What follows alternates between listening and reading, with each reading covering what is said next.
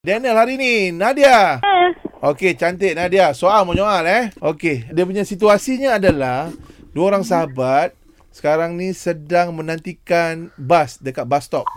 Oh, okey naik bas lah. Pergi kerja ke apa? Ah, nak pergi mana ah, pergi jalan ke mana tak kisah ha. Ha, macam mana Oh, dua, dua orang okey, tengah okey. tunggu bas lah. Tunggu bas lah. Baik, jom. Lepas bunyi loceng, awak mulakan dulu ya Nadia. Alright. 3 2 1 Spontan era.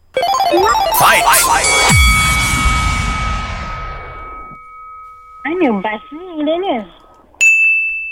Awak apa khabar? Kenapa kena tanya khabar?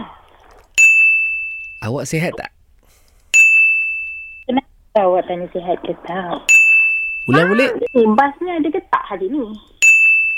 Awak nak naik bas apa ni? Kenapa awak tanya saya pula?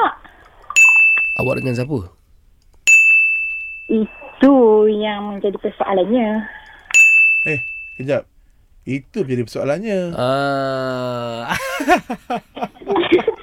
Itu jadi persoalannya. ah, itu yang menjadi persoalannya. Itu kan kenyataan.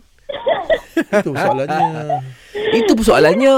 Memang nampak macam soalan Soalannya Ha, kan dia tak semestinya awak menggunakan perkataan persoalan. Itu adalah persoalan. Baik Nadia Awak kena umumkan uh, Kemenangan Buat uh, Daniel Hai. Oh, ya Ya ke? yeah. Ya, yeah, kalah dah kan? Alah eh. Hmm. awak, sem- awak sempat Awak sempat 6 soalan je Hmm.